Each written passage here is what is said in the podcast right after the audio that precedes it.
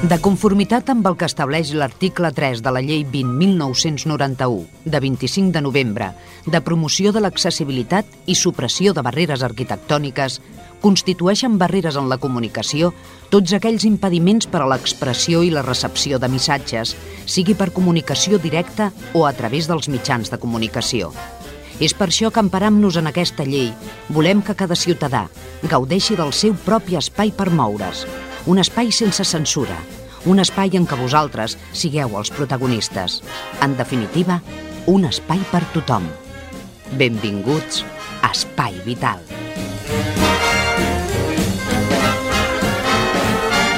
Senyores i senyors, què tal, com estan? Bon dia, benvinguts, ben trobats un dia més a l'últim mm, programa a Espai Vital. Eh, I després ja, ja, ja us en parlaré.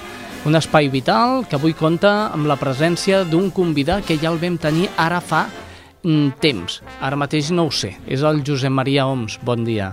Hola, bon dia. El Josep Maria Oms és una persona... En podem dir rara o no, Josep Maria? Pues no sé, això no. depèn de cada un. bueno, jo l'únic que sí és veritat és que sóc una persona que des de fa molts anys, molts, pues he sentit la inquietud per buscar una harmonia i una, una felicitat a la vida. I una harmonia i una felicitat que mm. tractarem després d'entrar de, mm. en el programa. Tenim el Jordi Puy de Control Tècnic i un servidor qui els parla en nom de tot l'equip de l'Espai Vital, el Xavi Casa. Senyors, comencem amb 3, 2 o 1. Això és Espai Vital i per totes les emissores que ens voleu escoltar. També estem penjats a la sindicada de la xarxa. Josep Maria Ioms, eh, què em deia? Ets una persona, ets una persona bueno, molt, molt què? Amb inquietuds. Amb inquietuds, com tothom, eh? Com tothom, sí, també. bueno, però eh, li vaig donar un valor i una importància i he dedicat eh, a la meva humanitat eh, una, un grau d'atenció, un grau d'esforç i una espècie de, de coratge fins a dia d'avui. Ah, sí. Molt bé, i ara, avui què ens vens a presentar? Bueno, jo primer volia saludar totes les persones i donar-los la meva admiració i respecte des del cor. Eh, és un, estic aquí per una trobada casual amb el Javi Cases, que em va invitar a parlar avui aquí, i aquí estic. Eh, jo em vaig donar compte amb el seu dia que necessitava despertar, jo tenia dubtes, confusions, conflictes que se'n menjaven. Eh, sentia la necessitat de posar una mica d'ordre tant a la meva consciència com als meus pensaments, sentiments, emocions, etc. Vaig veure que el desordre i el desequilibri del que acabo d'exposar afectava greument a tota la meva existència, tant en l'aspecte de salut física com salut mental o espiritual, etc em vaig donar compte de que tot això era un assumpte meu i solament meu. Una és, de les coses que jo vull fer hincapié. Hi ha un aspecte de les nostres existències que solament són assumptes nostres. A llavors, doncs, mira, fruit de, de tot això, vaig començar a practicar ioga molts anys, vaig ensenyar ioga, vaig fer moltes coses, no? Eh, vaig pensar que jo necessitava un plan de vida, i, i com he dit abans, una espècie de coratge, força, una disposició, una gran atenció. I segueixo amb això, encara, avui en dia, que em poden cre ben creure. pues em sento molt agraït i satisfet i il·lusionat, per tant, continuo amb aquesta línia, no? Formes i maneres eh, d'enfrontar tot això n'hi ha moltes. I jo no, dic, no en rechazo cap ni en promociono cap. Entenc de que tot el que és preocupar-se de la persona, de saber respirar, de saber relaxar-se, de fer una mica d'exercici, tot això és un aspecte positiu i és necessari, no? Però jo el que faig des d'aquest mm, mitjà de comunicació és invitar-los a despertar i a confiar en vosaltres mateixos, a discernir, a compartir, a deixar de fugir de tantes formes d'escapisme que ens han buscat, eh, sempre necessitem anar al futbol, anar aquí, anar allà, i a trobar temps per estimar-nos a nosaltres, per acceptar-nos amb la comprensió i la compassió que faci falta. I llavors, respecte a això, primer escombrarem casa nostra i després ja mirarem la del veí si podem fer alguna cosa. Molt bé, la manera de, de trobar-se bé amb un mateix Sí, jo- eh, és el jo interior, no? Buscar el jo interior i calmar el jo interior, dic jo. Evidentment, evidentment, però mm, per tot això un s'ha de plantejar, s'ha de fer un plan de vida, de pensar de que la gent, quan volem fer un negoci, quan ens tenim que casar o qualsevol cosa, eh, estudiem 50.000 plans. Agafem un plan que és el principal i després ens fem plans de vida o de lo que sigui secundaris per si ens falla el primer. Amb tot el que fa referència a la nostra humanitat, pues, ho donem tot per fet i, i això pues, així ens va. O sigui, jo eh, recomano de que la nostra pròpia humanitat pues, requereix una atenció i requereix un autoconeixement. Sense que ens coneguem un mínim, difícilment eh, podem anar bé. Això és igual que el que, ha, que té un vehicle i dius, bueno, aquest vehicle tinc que conèixer quins són els seus elements i tinc que fer ús de tots els elements que té el vehicle per treure un bon ús pues amb la nostra existència exactament igual. Som existència i, per tant, hem de valorar tot el que és eh, la nostra ment, tot el que és el nostre cos, tot el que és els nostres sentiments i les nostres emocions i, a fin, que no quedaria aquí. Molt bé, Josep Maria, on parlem amb tu tot de seguit. Anem una mica d'una promocions i tornem de seguida. Segueix. Encara que sentis que no avances, segueix. Segueix encara que creguis que no et tornaràs a aixecar. Encara que perdis les forces, segueix. Segueix. Segueix. Segueix perquè sempre hi ha una sortida. Perquè si creus en tu, res et podrà vèncer. Fundació Esclerosi Múltiple. El 14 de juliol, mulla't per l'esclerosi múltiple. Informa't en el 902 11 30 24 o a www.fem.es. El proper 14 de juliol, Cerdanyola, Ripollet, Montcada, Barberà, Santa Perpètua... De fet, totes les poblacions de Catalunya es celebra el Mulla't per l'esclerosi múltiple.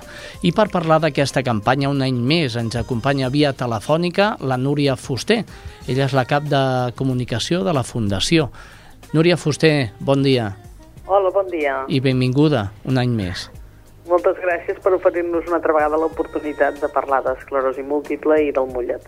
Molt bé, eh, campanya, una nova campanya. Quina és l'edició? Quina edició és ja? Doncs, eh, bueno, fem un aniversari. Eh, Fa un, fa un parell d'anys dèiem que el mullet era major d'edat i ara, doncs, aquest any fa 20 anys, eh? és la vintena edició. Per tant, imagina quin recorregut tan increïble, eh, gràcies al suport de la gent, de voluntaris i de totes les persones que s'impliquen en aquest projecte, doncs, eh, que una campanya d'aquestes característiques arribi a complir 20 anys. Molt bé, quin és el fi principal que té la Fundació amb, aquest, amb aquestes campanyes? Doncs, eh, com bé sabeu, doncs, eh, el que fem és convocar la població, els ciutadans, a que es mullin, a que hi participin de forma activa eh, a lluitar contra aquesta malaltia. I, per tant, té una doble vessant, una molt important que és eh, informativa i que, per tant, doncs, doni a peu al que estem fent ara, no? parlar d'aquesta malaltia, de com afecta les persones que la pateixen i, i quines són les vies doncs, per intentar atendre i, i subsanar part dels efectes que provoca la malaltia. I després també, importantíssim, és una manera de captar fons perquè la Fundació doncs, té en marxa una sèrie de projectes, hospitals de dia, centres especials de treball, en fi, tota una sèrie de serveis dirigits a, a atendre les necessitats eh, de la gent que té esclerosi múltiple i, per tant, gràcies als fons que obtenim a, amb aquesta campanya, doncs, eh, és el que podem doncs, eh, continuar fent aquesta tasca. Eh? Ah, Ara potser faré una pregunta i em diràs, no ho sé perquè m'hauria de mirar, però, però a veure... Eh, Intentem-ho. Quines són, quines són eh, les, les, les coses que s'han trobat gràcies o que s'han fet gràcies als fons d'aquesta campanya? Doncs mira, sí, sí que t'ho puc dir perquè està clar que, que, que tots els serveis que la Fundació té en marxa, i ara et diré doncs, els quatre hospitals de dia que hi ha a Catalunya, eh, la creació de, de tots els serveis d'inserció laboral que tenim en marxa, doncs des de borsa de treball, servei de formació, al centre especial de treball, que hi ha 80 persones treballant, tot, tots aquests projectes que, que hem anat fent no únicament amb la campanya Mulla't, perquè hi inter interven doncs, administracions, empreses que han col·laborat en projectes, però una part important, mm, segur, segur, doncs, que ve d'aquestes campanyes com el Mulla't, perquè en definitiva doncs, són els que ens han donat els fons inicials per posar-ho en marxa. Per tant, sense, sense aquesta col·laboració dels ciutadans doncs, que un dia van a mullar-se i compren aquesta samarreta i aquesta gorra, segurament tot això no hagués existit. Eh? Altres campanyes com córrer al circuit de Catalunya, també és un doncs altre sí. punt de recaptació, em sembla, no?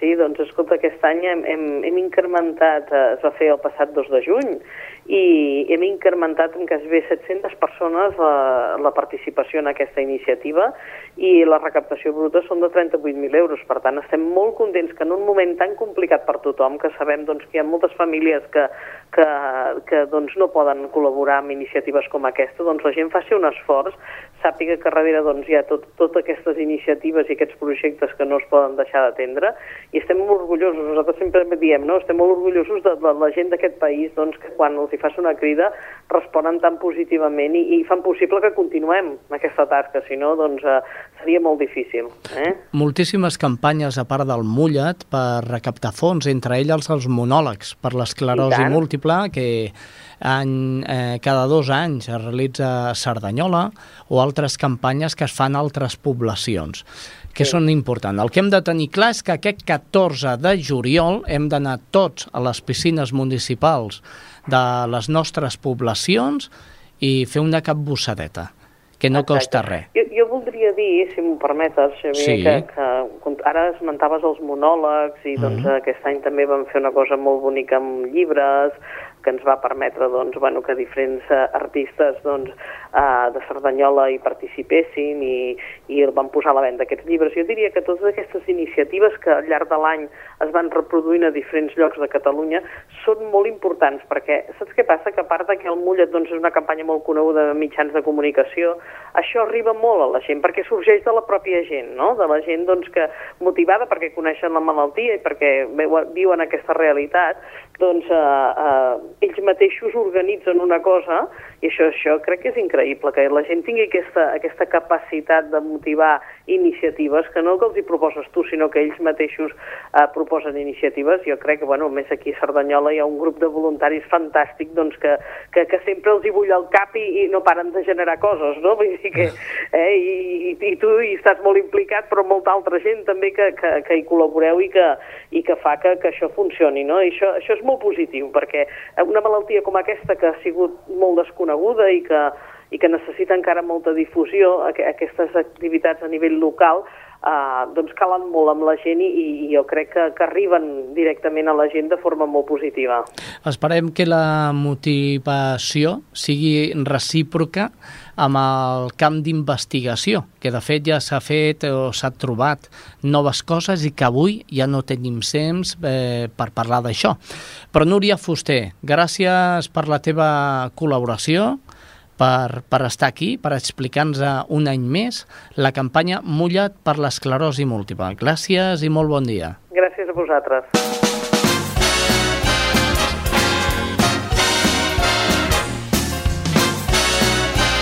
Espai Vital, el primer programa adaptat de les zones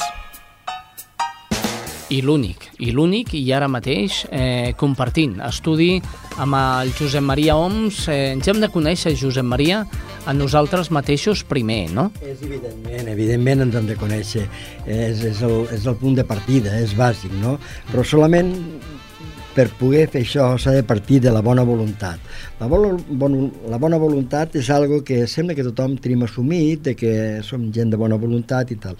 Mirant-ho bé, realment no és així. La bona voluntat la parquem quan entrem en resistència i conflicte, tant siguem nosaltres mateixos, tant sigui amb eh, el nostre entorn, amb les persones més pròximes o, o menys pròximes. Quan algo atente o creiem que atente contra els nostres interessos i els nostres conceptes, automàticament aparquem la bona, la bona voluntat i ens posicionem en un estat de, eh, de força, de rigidesa i de coses. I això... Diríem de con contra tacament, no?, de contraatac. Claro, és, una, una, és un tancament, és un tancament de la persona, està sí. establerta amb, un, amb unes idees, amb uns coneixements que, sí. que li sembla que són els, els bons, però realment no és així. Realment moltes vegades eh, diem, ai, jo no, no em vaig donar compte, no sabia això. Quan apareix un conflicte, primer el que tenim que saber què és el conflicte, quins són els marges d'aquest conflicte. Després hem de saber com, després el per què ve aquest conflicte, després eh, en fi, hi ha una sèrie de preguntes que solament aquestes preguntes, el què, el com, el per què, el quan i el para què, d'un uh -huh. conflicte, ja ens donaria resolt molts dels problemes que passem després, autèntics calvaris, a lo llarg de la nostra vida, acumulant odis, rencors, eh, desconfiances i sobretot ignorància, que és el que, i dic per mi mateix, que jo no estic sent pas de tot això, simplement el que passa que en soc conscient i lluito contra això, sí. De la bona voluntat ja, ja he dit més o menys el camí no? O sigui, la bona voluntat la veiem a la persona quan realment frente a un conflicte, frente a una resistència, frente a lo que sigui, eh, si imposa la seva humanitat, imposa el seu cor amb aquest, amb aquest problema, que el cor no enganya mai. Jo afegiré la seva calma, eh? perquè també claro. hem d'aprendre a estar calmats en sempre, conflictes d'aquest tipus. Realment jo li dic el pas enrere fa molts anys, i sí. que sempre hem de fer, quan tinguem alguna cosa, eh, mm. hem d'evitar la ment reactiva sí. que es posi en funcionament amb tota aquesta bateria d'estupideses de, de, humanes que solem arrossegar mm -hmm. les persones, faig un passet enrere eh, i, i i penso. Evitar, evitar sempre, evitar eh, la violència. Això no vol dir de que jo tinc tot el dret de eh, defensar la meva dignitat i tinc tot el dret de respectar la dignitat de l'altra persona. Quan es partís d'això, molts dels problemes ja se'n van. Eh? És ja. potser eh, la retenció eh, la visualització del problema, sí, englobar el problema per allà on està claro. i atacar aquest problema és que la, atacar el problema ja veuràs... Potser la paraula no és l'adequada, no? No, no. Perquè no és atacar, sinó... No, la paraula adequada és el que, lo que ve a darrere d'això, donar-se compte. Donar-se compte. És una paraula clave. Fixeu-vos que quan les persones ens donem compte d'alguna cosa, la ment ja no té que intervenir. No té que fer mesures ni de bo, ni de dolent, ni res. Allò és el que és. I punto. És donar-se compte. Quan un es dona compte d'això, el eh, que ve darrere no ho saps, no ho pots saber, però és suau, és humà i és natural. Donar-se compte, perquè això és com el sentir. O sigui, donar-se compte, sentir una cosa és extraordinari, perquè llavors la ment, que està funcionant, sí, però està, quan sentim, està sota les ordres del cor, que el cor és sagrat. El cor és savi amb mi, amb tu i amb tots els éssers que ens rodeen a, a tot el planeta. I el que està clar és que nosaltres des del programa Espai Vital apel·lem també a la solidaritat solidaritat que ens mm. arriba també de mans de la Fundació Miquel Valls i que tenim una entrevista d'aquesta fundació mm. per recaptar fons. Si et sembla bé, l'escoltem, Josep ah, bé, Maria. Molt bé, molt bé.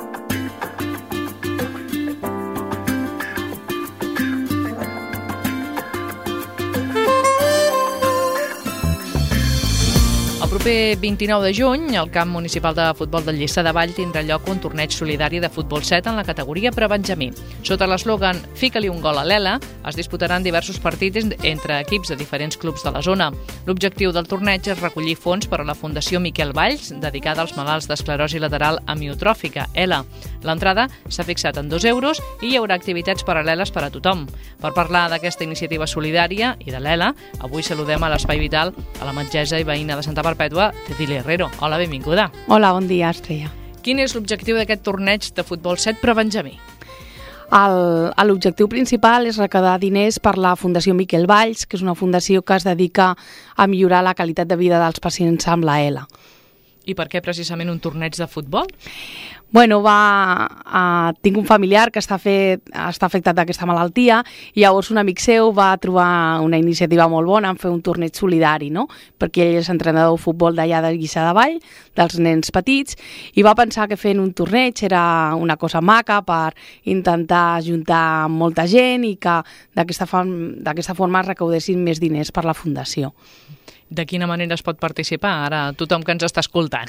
Doncs la millor manera seria anar al, al torneig i realment passar-s'ho bé durant les hores que, que estigui per allà. A part de, dels diferents partits de futbol que, doncs, que, es, que es faran, doncs, també nosaltres intentarem fer tallers per la gent que hi vingui acompanyant els nanos que juguen i farem una tòmbola, en tindrem preparada una barra amb beguda i amb, i amb menjar i farem també alguna tauleta amb coses manuals que els amics i famílies de, del Jaume doncs estem preparant. Uh -huh.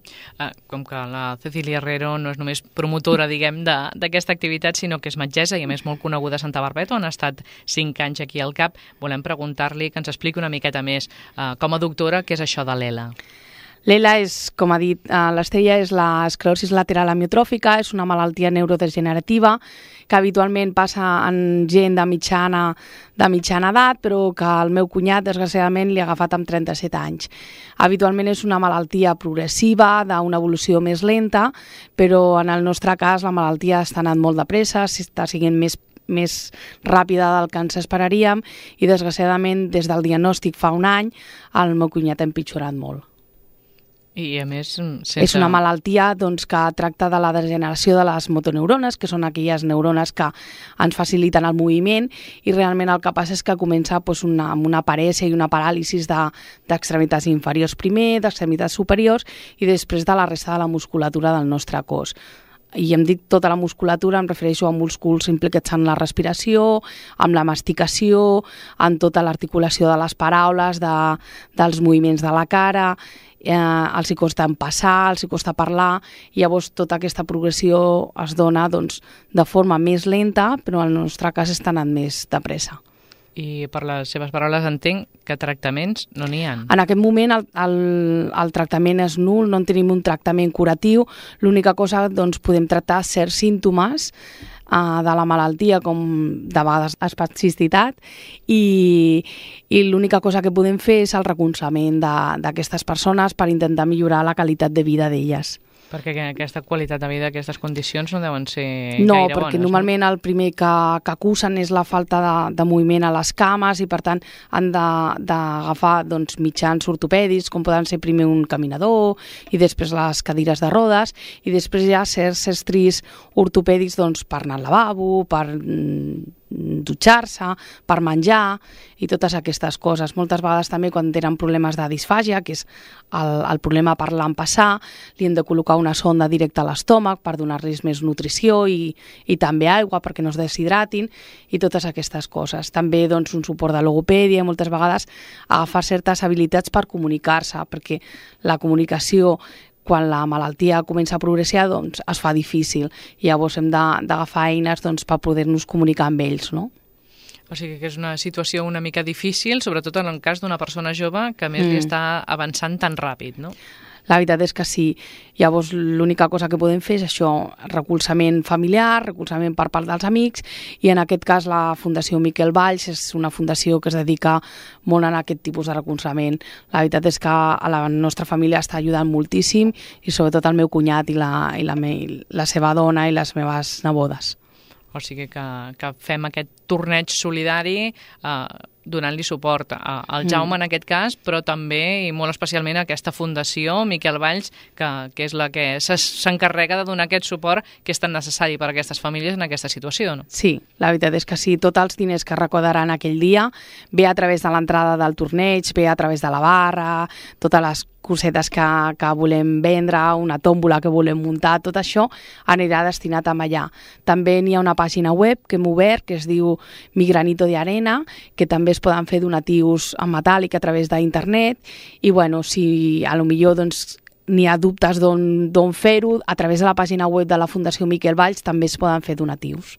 O sigui que treballem tots una miqueta per ajudar als malalts d'ELA, que potser és una d'aquelles malalties que, que sí que tenim pacients, però de la que mm, visi, no, no la visualitzem gaire. La veritat és que gràcies a Déu no és una malaltia molt freqüent, però la veritat és que quan la tens eh, et, et destrossa la teva qualitat de vida. No és molt freqüent, de fet jo he vist 3-4 casos a la meva carrera professional, no? un d'ells va ser aquí a Santa Perpètua l'any passat i la veritat és que gràcies a Déu no és molt molt freqüent.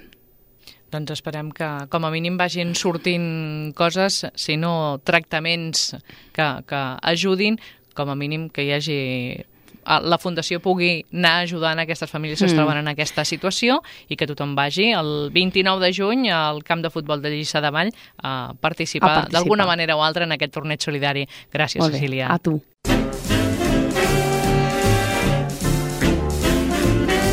Estàs escoltant Espai Vital. Una solidaritat molt maca, a la qual hauríeu d'anar tots amb aquest acte. Molt bé, doncs arribat a aquest punt, Josep Maria, si et sembla bé, ens pugem a la moto i Molt ens bé. anem a fer la roda informativa. Una roda informativa que la volem començar, com sempre, amb Cerdanyola. Des de Cerdanyola ens informa Rosa Morante. Salutacions Espai Vital des de Cerdanyola Ràdio. Una trentena de discapacitats intel·lectuals i monitors del grup Catalònia escenificaran el dia 20 una xarxa humana que s'elevarà aproximadament 40 metres d'alçada i que esdevindrà la culminació d'un repte compartit per persones amb necessitats especials i els seus terapeutes. L'estimulació sensorial i cognitiva, la cohesió, el treball en equip i el repte compartit són alguns dels valors d'aquesta experiència lúdico-terapèutica. L'acte s'emmarca en el projecte Dreams, que pretén aprofundir en el vincle emocional entre les persones amb necessitats especials i els seus terapeutes. El director general del grup Catalònia, el doctor Joaquim Serraïma, indica que aquesta xarxa humana és un espectacle de la Fura dels Baus, que per primera vegada protagonitzaran persones discapacitades. La iniciativa es realitza en associació amb la Fura dels Baus, Anigami Experiències i ISDEC, que han unit esforços per fer realitat aquest projecte destinat a l'àmbit sociosanitari i de la dependència. Dreams s'orienta a promoure canvis motivacionals de caràcter psíquic i físic en les persones amb necessitats especials i ha escollit el grup Catalònia per tal de significar una xarxa humana pionera.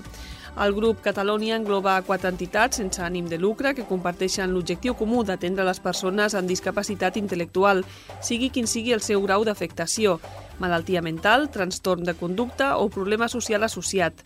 Actualment gestiona 14 centres d'atenció i compta amb més de 750 professionals del sector de l'atenció a la discapacitat que atenen més de 750 persones. I de moment això és tot des de Cerdanyola Ràdio fins la setmana vinent. Gràcies, Rosa Morante, i anem ràpidament cap a Barberà. Des de Barberà ens informa Judit González. Salutacions de Ràdio Barberà. Els barbarencs i barbarenques han tornat a tenir dues oportunitats per donar sang a la nostra ciutat. El passat dissabte, 15 de juny, l'escenari va ser el Centre d'Atenció Primària Rosa dels Vents i el dilluns, dia 17, el Banc de Sang i Teixits va ubicar la seva unitat mòbil a la plaça de la Vila de Barberà. Recordem que la necessitat de sang és constant i, per tant, també ho han de ser les donacions. Cada dia tots els hospitals i clíniques de Catalunya necessiten sang o components sanguinis per atendre els seus malalts, ja que la majoria d'intervencions quirúrgiques i molts dels tractaments mèdics requereixen transfusions. Fins la setmana vinent. Gràcies, Judit González. I de Barberà ens anem cap a Santa Perpètua. Allà, des de Santa Perpètua, ens informa Estrella Núñez. Hola, salutacions des de Santa Perpètua. Un total de 5 infants dels campaments refugiats saragüís passaran els mesos de juliol i agost a Santa Perpètua acollits per 5 famílies de la nostra localitat. L'acció solidària està organitzada per l'ONG Santa Perpètua Solidària amb la subvenció de l'Ajuntament de Santa Perpètua. La previsió és que els infants, 4 nenes i un nen d'entre 8 i 11 anys, arribin el 3 de juliol i marxin el 3 de setembre. Durant el mes de juliol, els infants aniran al casal d'estiu de l'AMPA de l'Escola Bernat de Mogoda, on també tindran servei de menjador. També tenen cita al CAP per passar revisions mèdiques i posar-los al dia les vacunes. L'entrada a les piscines municipals serà gratuïta per a aquests infants. Santa Perpètua Solidària du a terme colònies d'infants refugiats saragüís des de 1997 i en els darrers dos anys ha comptat amb cinc famílies solidàries, mantenint una xifra que ha caigut a tot Catalunya a la meitat. En aquest cas seran eh, cinc eh, infants, quatre nens i una nena de 8 i 11 anys els que passaran l'estiu a Santa Perpètua. Deixaran de banda la situació dels campaments, que s'ha greujat molt en els darrers temps, ja que els ajuts per alimentació s'han reduït un 75%. Això és tot de moment des de Santa Perpètua.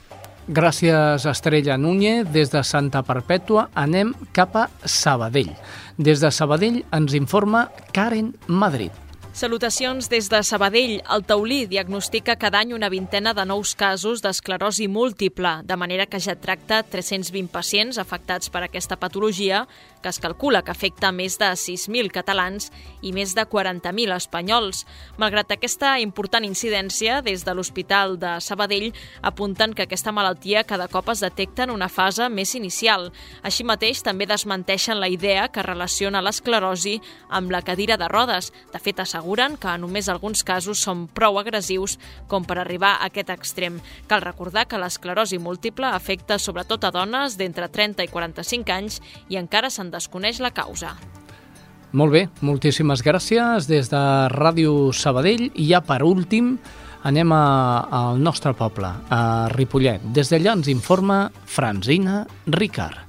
Una salutació als amics i amigues de l'Espai Vital. El proper 14 de juliol, les piscines descobertes del Poliesportiu Municipal se sumaran al Mullet per l'esclerosi múltiple que enguany arriba a la seva vintena edició. L'any passat van participar un total de 43 persones que van nedar 24.045 metres i es van recollir 538 euros, que es van donar a la Fundació Esclerosi Múltiple. La campanya és una acció de sensibilització social i de solidaritat amb les persones que pateixen aquesta malaltia. Des de 1994, cada any es convida a tota la societat a mullar mullar-se en el sentit literal de la paraula, llançant-se a l'aigua de la piscina més propera per col·laborar en la lluita contra l'esclerosi múltiple.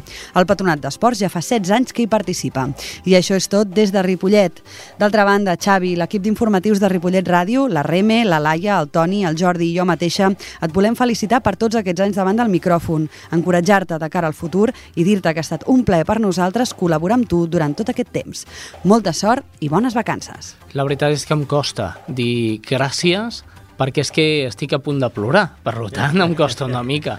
Moltíssimes gràcies, companys, eh, també estic molt orgullós de tota la gent que heu passat a l'Espai Vital, no solament de vosaltres, sinó d'altres persones que han passat per aquí i, i que us ho agraeixo molt i que no patiu, que jo no marxaré molt lluny, estaré per aquí prop. Molt bé, doncs eh, aquí acabem amb la roda informativa.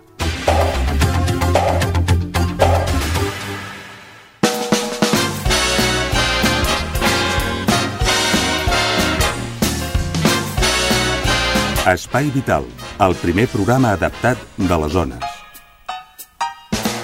La Fundació Estatal de Glucogenosi s'ha instaurat a, a les contrades de Montcada. Des de Montcada ens arriba una entrevista de mans i veu de Jesús Abad. Salutacions des de Montcada Ràdio per l'Espai Vital. L'Associació Espanyola d'Afectats de Glucogenosi, una malaltia del sistema metabòlic, disposa des de començaments d'aquest mes de la seva nova seu en un espai cedit per l'Ajuntament de Montcada que es troba a la primera planta de l'espai cursal de Can Sant Joan. Aquesta inauguració ha coincidit amb la celebració del quart Congrés Internacional sobre la Malaltia celebrat a la Universitat Autònoma de Barcelona. Ens acompanya el moncadenc Francesc Cayuela, director del Congrés. Benvingut a l'Espai Vital. Hola, moltes gràcies per convidar-me. Eh, quina valoració en fa d'aquest congrés? Doncs la valoració d'un congrés de malalties rares, en general, sempre és molt positiu, donat que sempre hi ha molt pocs recursos respecte a les malalties rares. En el nostre cas, parlant de la glucogenosis, pràcticament és l'activitat més important de l'any i aquest congrés ha sigut un èxit tant amb participació de la gent tant com amb els resultats i les aportacions de nous temes que hem treballat. Ens podria recordar breument què és la glucogenosi? Doncs la glucogenosi és una malaltia mm, genètica recessiva amb la qual el que ens afecta sobretot és a diferents punts del metabolisme del glucogen. Hi ha 15 tipus diferents de glucogenosis tot i que a la nostra associació, en general a Espanya, només hi ha constància de que hi ha afectats de 6 d'aquests tipus en el seu cas, eh, coneix de primera mà aquesta malaltia, no? Sí, la conec des de l'àmbit familiar. La meva germana pateix la tipus 2 o de Pompe i és una malaltia amb la qual el que passa és que li manca un enzim que permet desfer el glucogen per poder-lo cremar en la qual cosa se li acumula i aquest acúmul de glucogen fa que es vagin morir les cèl·lules i els músculs per de mobilitat, capacitat respiratòria, necessitar cadira de rodes, arriba un moment, eh, respiració assistida i, i és un, ajuda, dificulta molt la vida fins que també provoca la mort. amb iniciatives com aquest congrés que s'ha celebrat a la Universitat Autònoma de Barcelona. La idea és continuar investigant sobre aquesta malaltia, entenc, i recerca que de ben segur continueu amb interès des de la nova seu. Eh, què els oferiu als associats? Nosaltres aquest any hem estat treballant per fer... Bueno, L'objectiu de l'associació és donar servei als associats, donar servei tant a nivell de coneixement, generem una, guia, una guia, que és la guia de referència de glucogenosis a Espanya i a tot el món de parla hispana, perquè no hi ha cap altre país que ho estigui fent en llengua castellana, i a la qual cosa és una guia de referència. Aquest és el primer punt. El segon punt és intentar desenvolupar tot el que és la investigació i que grups d'investigació treballin a la recerca al voltant d'això d'aquest tema, perquè el tema de la glucogenosi si no quedaria molt, molt perdut, no? i el que intentem és amb el dia del Congrés a facilitar l'apropament entre els millors especialistes del món i els nens i, el, i tots aquests afectats perquè tenir la informació de primera mà. És molt important aquesta transferència de coneixement. Queda molt camí per recórrer, però en disposem de dades de quantes persones poden estar afectades per aquesta malaltia, per exemple, a Catalunya o a Espanya?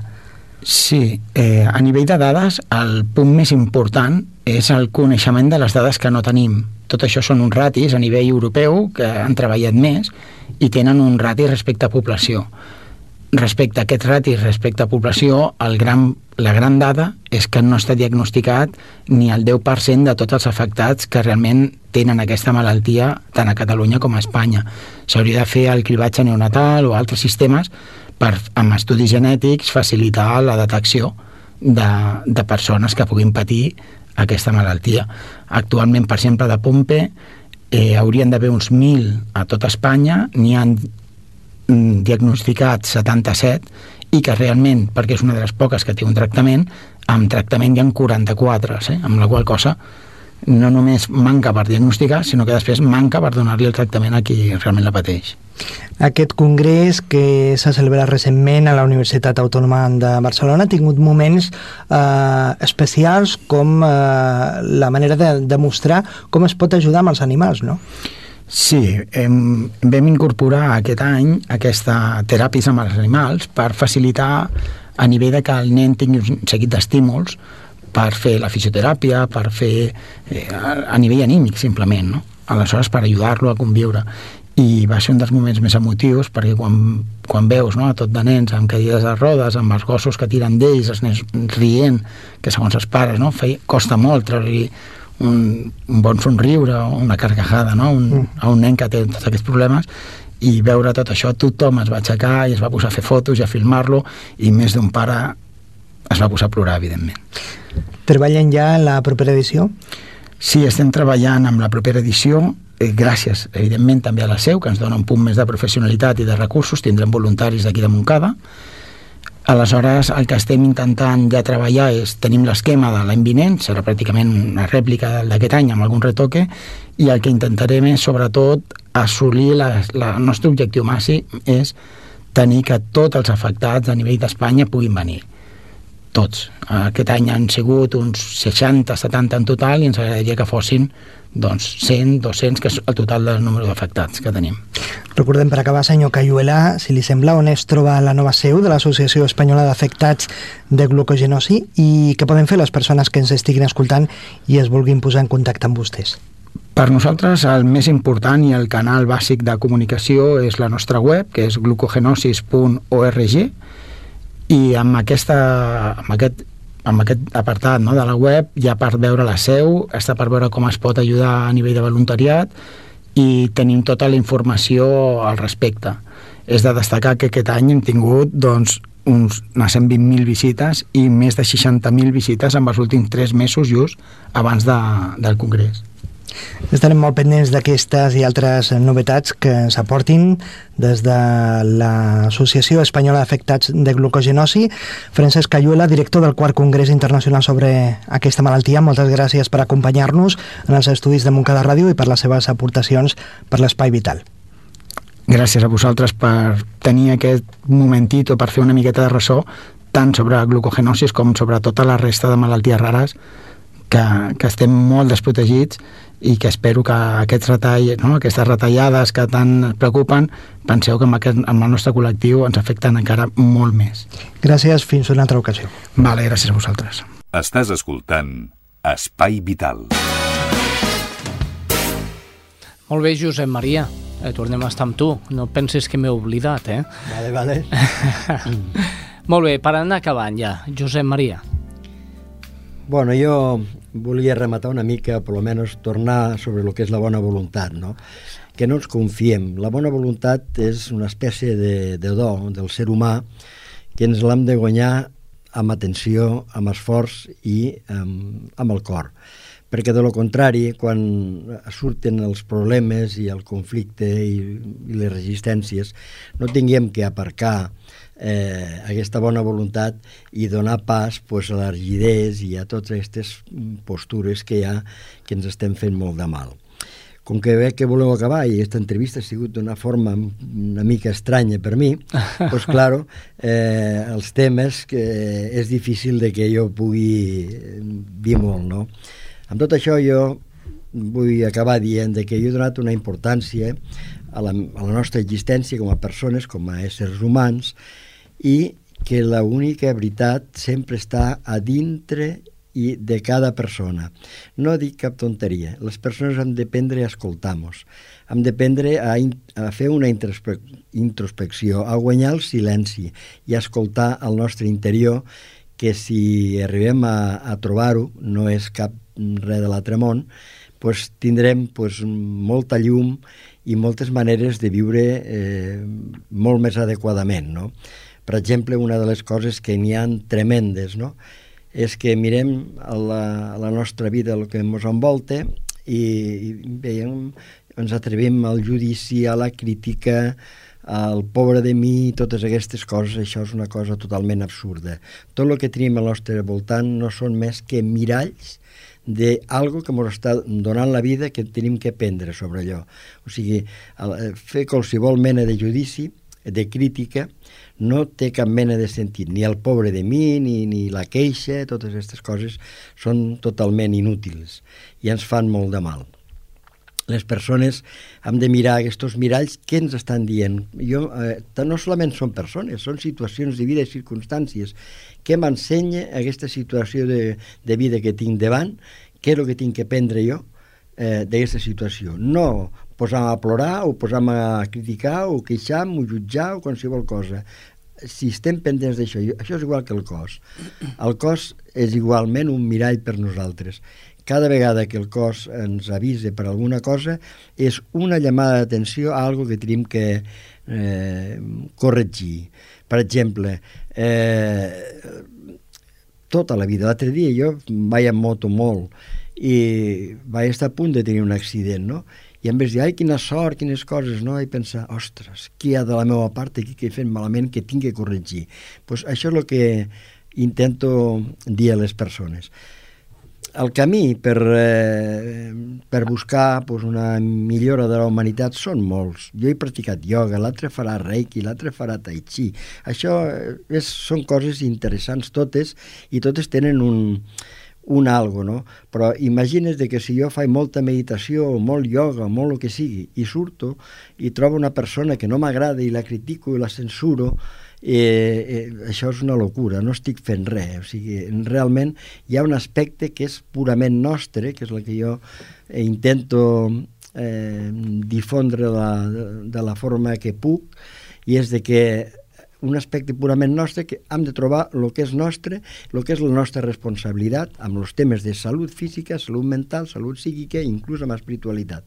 Que cada un això, eh, eh, avui tenim moltes formes i maneres, però la part interior de la persona no, no pot estar ausent mai d'aquesta cosa. Estic d'acord de que hi ha molt per aprendre, tenim molts llibres, tenim molta informació, tenim molt de tot, però a l'hora de la veritat totes aquestes coses han de confluir a l'interior de la persona, les té que realitzar d'entre seu i exemplificar amb la seva vida tot el que va aprenent.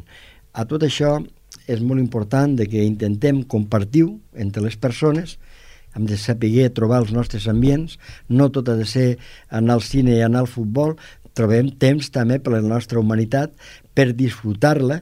Jo, eh, una suggerència meua és de que això és una cosa molt maca i molt important, eh, i, però no és una cosa per prendre-se-la en sèrio, com si això fos jo que sé. És una forma de viure eh, que jo m'hi he de divertir aprenent a conèixer la meva humanitat i eh, millorant-la tot el que puc.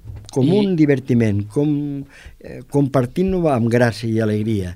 I entendre de que realment eh, no sabem res les persones, com pensem que sabem estem perduts. Molt bé. Estem en un procés d'aprenentatge continuat. Josep Maria, i aprendre del nostre mm. jo interior, Evident... analitzant-nos nosaltres mateixos. Eh, Josep Maria, mm, ens donaries un telèfon per a totes aquelles persones que ens estan sentint, sí. que tinguin preguntes? Sí, amb molt de gust, sí. El 637... 637... 32... Mm -hmm. 51... Sí. 03. Molt bé, doncs amb I, aquest telèfon... Amb I si voleu un e-mail també me'l dono. Pues, pues, eh, dona'l, endavant. Pues H-O-M-S... OMS. OMS, Marsol, M-A-R-S-O-L, mm -hmm. arroba, sí. gmail.com. Totes les persones que tinguin aquesta mena d'inquietuds, jo per lo menos intentaré atendre-les amb el respecte i, el, i com pugui. No? Doncs Josep Maria Oms, eh, moltíssimes gràcies per haver estat a l'últim dels programes de l'Espai Vital. Eh, I queda't aquí, perquè ara ve la cuina de Conxita Naudi, i em sembla que avui és un plat exquisit.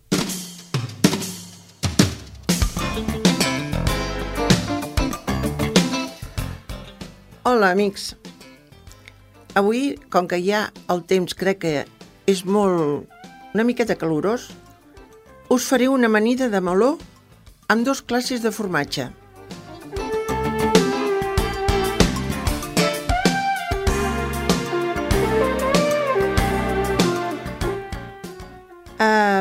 Fer aquesta amanida necessitarem escarola o enciam, el que preferiu. Dos talls de meló, tres palets de carn de, can, de cranc, 40 grams de formatge fresc, 150 grams de formatge rocafort, 20 grams de panses, 20 grams de pinyons, oli d'oliva i sal al vostre gust.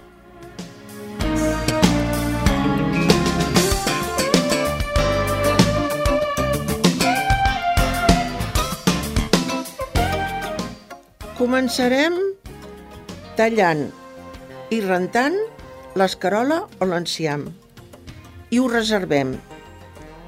Tallarem els talls de meló a trossets. Trossegem els dos formatges, el fresc i el rocafort. Un cop això, agafarem un bol i barrejarem l'escarola o l'enciam, talladet petit. Aleshores hi posarem els talls de meló, els dos formatges, els trossets de carn de cranc les panses i els pinyons. Barregem, posarem oli i sal al gust. I ho servirem un cop feta, perquè és més bona. És una amanida fresca que desitjo que us agradi. Doncs res més, bon profit.